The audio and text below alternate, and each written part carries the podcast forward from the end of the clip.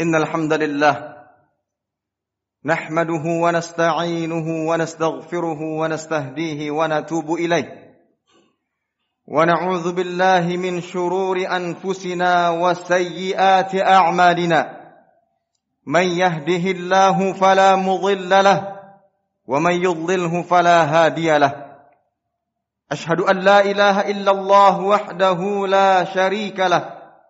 وأشهد أن محمدا عبده ورسوله لا نبي ولا رسول بعده. قال الله عز وجل يا أيها الذين آمنوا اتقوا الله حق تقاته ولا تموتن إلا وأنتم مسلمون. فإن أصدق الحديث كتاب الله وخير الهدي هدي محمد صلى الله عليه وسلم وشر الأمور محدثاتها فإن كل محدثات في الدين بدعة وكل بدعة ضلالة وكل ضلالة في النار عياذا بالله من النار معاشر المسلمين جماعة صلاة جمعة rahimani wa rahimakumullah. Mula-mula khatib mewasiatkan dirinya pribadi kemudian kepada jamaah sekalian untuk senantiasa meningkatkan ketakwaan kepada Allah Jalla wa Ala dengan sebenar-benarnya takwa yaitu dengan menjalankan apa yang Allah perintahkan dan menjauhi segala yang dilarangnya. Ma'asyiral muslimin, jamaah salat Jumat rahimani wa rahimakumullah. Sadarkah kita atau tidak? Kita sekarang hidup di zaman yang mana orang-orang yang berusaha taat dalam agama sudah semakin sedikit. Orang-orang yang berusaha untuk berkomitmen istiqamah dalam menjalankan syariat Islam sudah semakin hilang. Orang-orang yang berusaha untuk senantiasa jujur dalam setiap perkataan dan perbuatan sudah semakin asing. Inilah kondisi di mana Islam hanya dijadikan sebagai label agama seseorang. Sementara syariat dan ajarannya semakin ditinggalkan. Maka kita temukan Islam sudah semakin kembali, terus kembali kepada keterasingannya. Sebagaimana Nabi Shallallahu Alaihi Wasallam bersabda dalam hadis yang dikeluarkan oleh Imam Muslim, "Bada al Islamu ghariban, wa sayaudu ghariban kama bada'a, fatuba lil ghuraba." Islam itu bermula dari keterasingan dan akan kembali kepada keterasingan. Maka beruntunglah bagi mereka-mereka yang asing. Apa yang dimaksud dengan asing dalam hadis di atas? Yang dimaksud dengan asing bukan seseorang yang tampil berbeda di tengah-tengah masyarakat. Akan tapi yang dimaksud dengan keterasingan Islam adalah tatkala ajaran Islam semakin sedikit diamalkan. Semakin sedikit dikerjakan di tengah-tengah banyaknya kemungkaran dan kemaksiatan yang merajalela di mana-mana. Al-Qadhi bin Iyad rahimahullahu taala sebagaimana yang dinukilkan oleh Imam An-Nawawi mengatakan innal Islam bada'a min ahadin minan nas wa qillah. Sesungguhnya Islam ini bermula dari segelintir dan sedikit manusia. Thumman tashara wa zahar. Kemudian menyebar dan semakin tampak kebesarannya. Thumma sayalhaquhun naqs wal ikhlal. Namun setelah itu, ajaran Islam dikit demi sedikit semakin ditinggalkan. Fala yabqa illa fi ahadin wa qillah maka tidak lagi tersisa ajaran Islam ini dengan benar kecuali hanya pada segelintir manusia sebagaimana ia bermula. Dan yang dimaksud dengan ghuraba orang-orang yang asing sebagaimana yang disebutkan dalam hadis yang akan mendapatkan keberuntungan sebagaimana yang dijelaskan oleh Nabi Shallallahu alaihi wasallam dalam hadis yang dikeluarkan oleh Imam Ahmad. Al-ghuraba unasun salihun fi unasi su'in kathir. Yaitu orang-orang yang saleh di tengah banyaknya orang-orang yang rusak. Orang-orang yang fasik, yang fujar. Man yaksihim akthar mimman yuti'uhum. Orang yang bermaksiat jauh lebih banyak dibandingkan orang-orang yang taat. Tatkala ada orang-orang yang seperti ini yang berusaha untuk istiqamah di atas agama, humul ghuraba. Mereka lah yang disebut sebagai orang-orang yang asing. Kemudian yang dimaksud dengan tuba, fatuba lil ghuraba. Tuba dijelaskan oleh para ulama. Yang pertama, ada yang mengatakan bahwa tuba adalah kenikmatan dan keberkahan yang tanpa terhenti. Akan terus-menerus ia dapatkan. Dan ada pula yang mengatakan tuba adalah sebuah pohon yang ada di surga. Dalam arti ikhwatan iman, jamaah salat Jumat rahimani wa rahimakumullah. Seorang muslim, seorang hamba yang berusaha untuk senantiasa istiqamah di atas agama, menjalankan syariat agama, gangguan apa pun yang ia dapatkan, celaan apa pun, hinaan apa pun. Namun dia senantiasa istiqamah di atas agama, merekalah yang akan menjadi orang-orang asing yang akan mendapatkan keberuntungan. Al-Hafidh Ibnu Hajar rahimahullah taala menerangkan as-sabab fi kauni qarnil awal khairal qurun sebab kenapa generasi pertama yaitu para sahabat Nabi radhiyallahu taala anhum ajmain menjadi sebaik-baik generasi khairun nas qarni sebaik-baik manusia adalah generasiku kata Nabi Shallallahu Alaihi Wasallam. Kenapa mereka menjadi sebaik-baiknya generasi? Sebabnya adalah innahum kanu ghuraba. Karena mereka dulunya adalah ghuraba, orang-orang asing. Yang mana Islam ini bermula dari keterasingan. Hanya sedikit yang meyakini dan mempercayainya. Ghuraba fi imanihim. Mereka asing pada keimanan mereka. Di tengah banyaknya orang-orang kafir. Ghuraba fi sabrihim ala azahum. Mereka asing. Di tengah dia harus menghadapi segala macam gangguan-gangguan. Bahkan ancaman untuk dibunuh. Namun mereka senantiasa berpegang teguh di atas agama mereka itu agama Islam. Maka kemudian beliau mengatakan, wa kadzalika awakhiruhum. Dan begitu pula orang-orang yang hidup di akhir zaman kelak. Apabila alladzina idza aqamuddin, apabila mereka berpegang teguh menegakkan agama, wa tamassaku bihi dan berpegang teguh di atasnya. Wasabaru ala ta'ah dan sabar dalam menjalankan ketaatan. Menjauhi segala macam kemaksiatan. Hina zuhuril ma'asil wal fitan. Ketika maksiat-maksiat dan fitnah merajalela di mana-mana.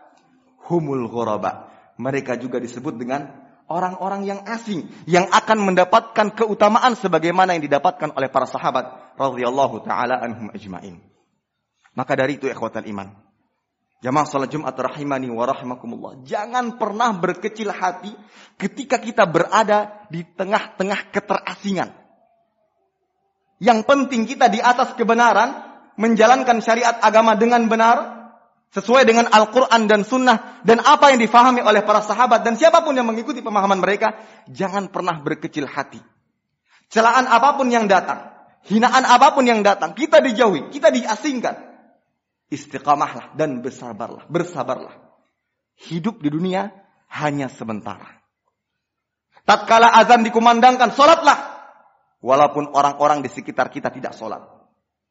Ketika kita berusaha meninggalkan harta yang haram, sehingga kita resign dari pekerjaan kita. Resignlah, jangan pernah ragu. Walaupun orang-orang membodoh-bodohi kita.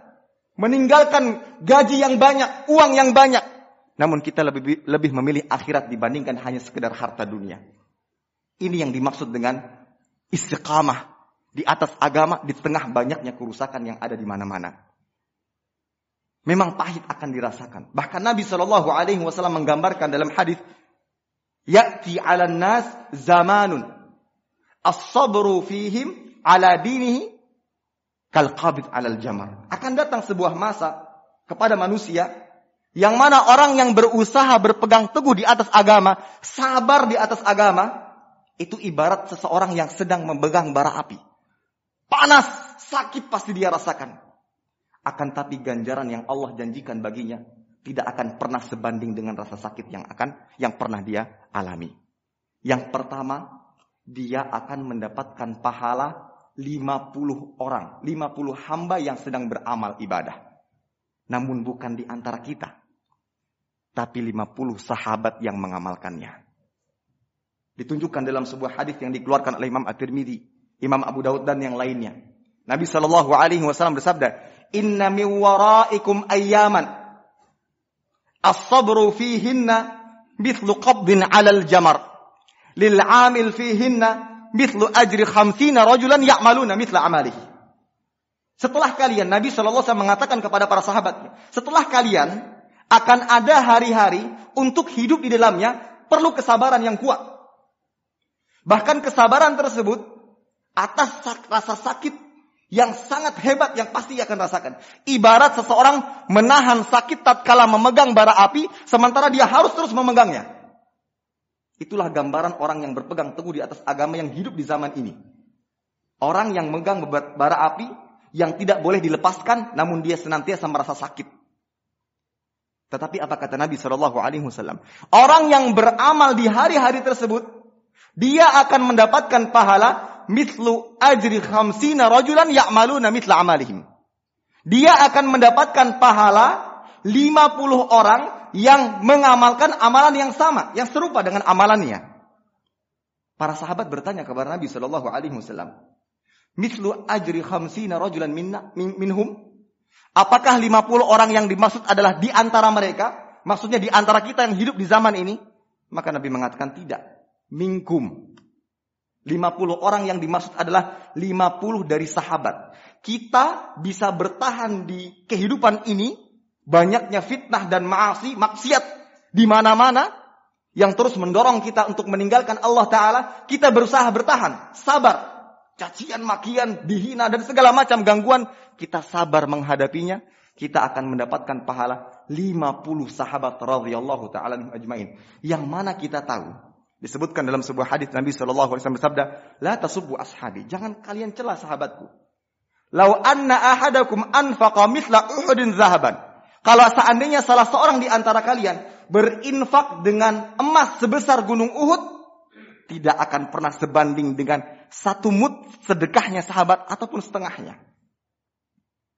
Itu perbandingan pahala yang didapatkan hamba saat ini dengan sahabat Nabi saat itu. Akan tetapi, Ketika kita banyak mendapatkan gangguan, cacian, makian dalam menjalankan syariat agama ini, kita berusaha sabar, maka kita akan mendapatkan pahala 50 sahabat radhiyallahu taala ajmain.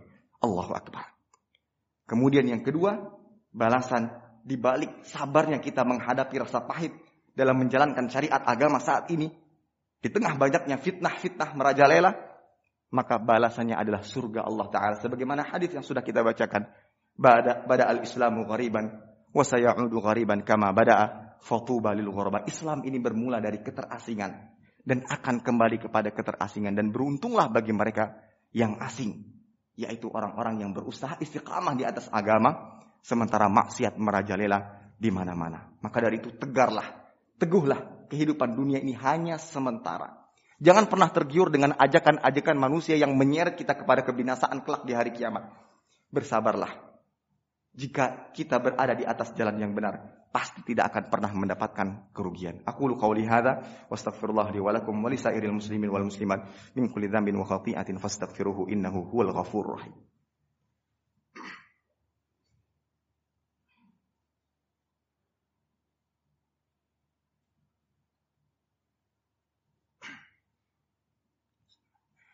Alhamdulillahi ala ihsanih wa syukru lahu ala taufiqihi wa amtinanih واشهد ان لا اله الا الله وحده لا شريك له تعظيما لشانه واشهد ان محمدا عبده ورسوله الداعي الى رضوانه صلى الله عليه وعلى اله وصحبه وسلم تسليما كثيرا اما بعد معاشر المسلمين jamaah salat Jumat rahimani wa rahimakumullah kembali khatib mewasiatkan dirinya pribadi dan jamaah sekalian untuk senantiasa meningkatkan ketakwaan kepada Allah taala dengan sebenar-benarnya takwa, menjalankan apa yang Allah perintahkan dan menjauhi segala yang dilarangnya.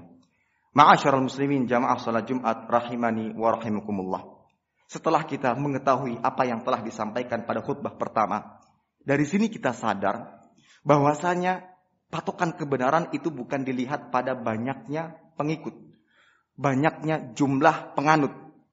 Akan tapi patokan kebenaran itu apa yang bersumber dari Al-Quran dan hadis-hadis yang disampaikan oleh Nabi Shallallahu Alaihi Wasallam dan apa yang difahami oleh para sahabat radhiyallahu taala anhum ajmain dan siapa pun yang mengikuti pemahaman mereka. Bukan pada jumlah.